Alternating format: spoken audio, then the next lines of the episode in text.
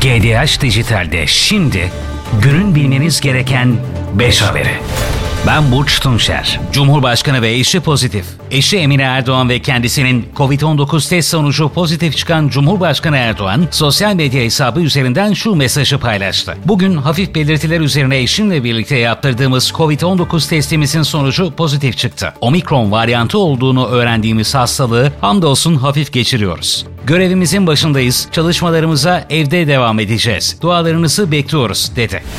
Savunma işbirliğinden rahatsızlar. Amerikan merkezli Financial Times yazdı. Rusya, Ankara ile Kiev arasındaki ekonomik ilişkinin merkezinde yer alan savunma işbirliğinden rahatsız. Ukrayna'nın daha fazla Bayraktar TB2 insansız hava aracı satın alması bekleniyor denildi.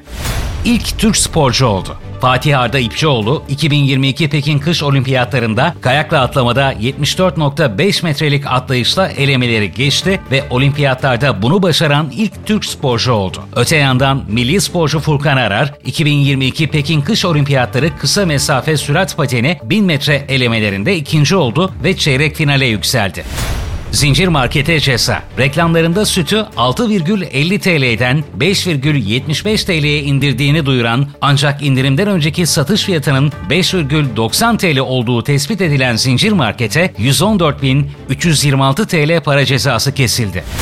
Fatura şaşırtmacası. Çok al, az öde kampanyası yapan ve 65,50 TL olması gereken faturayı 93,60 TL olarak tahsil eden zincir markete 114.326 TL idari para cezası kesildi. Ben Burç Tunçer. Günün bilmeniz gereken 5 haberinde tekrar görüşmek üzere. GDH Dijital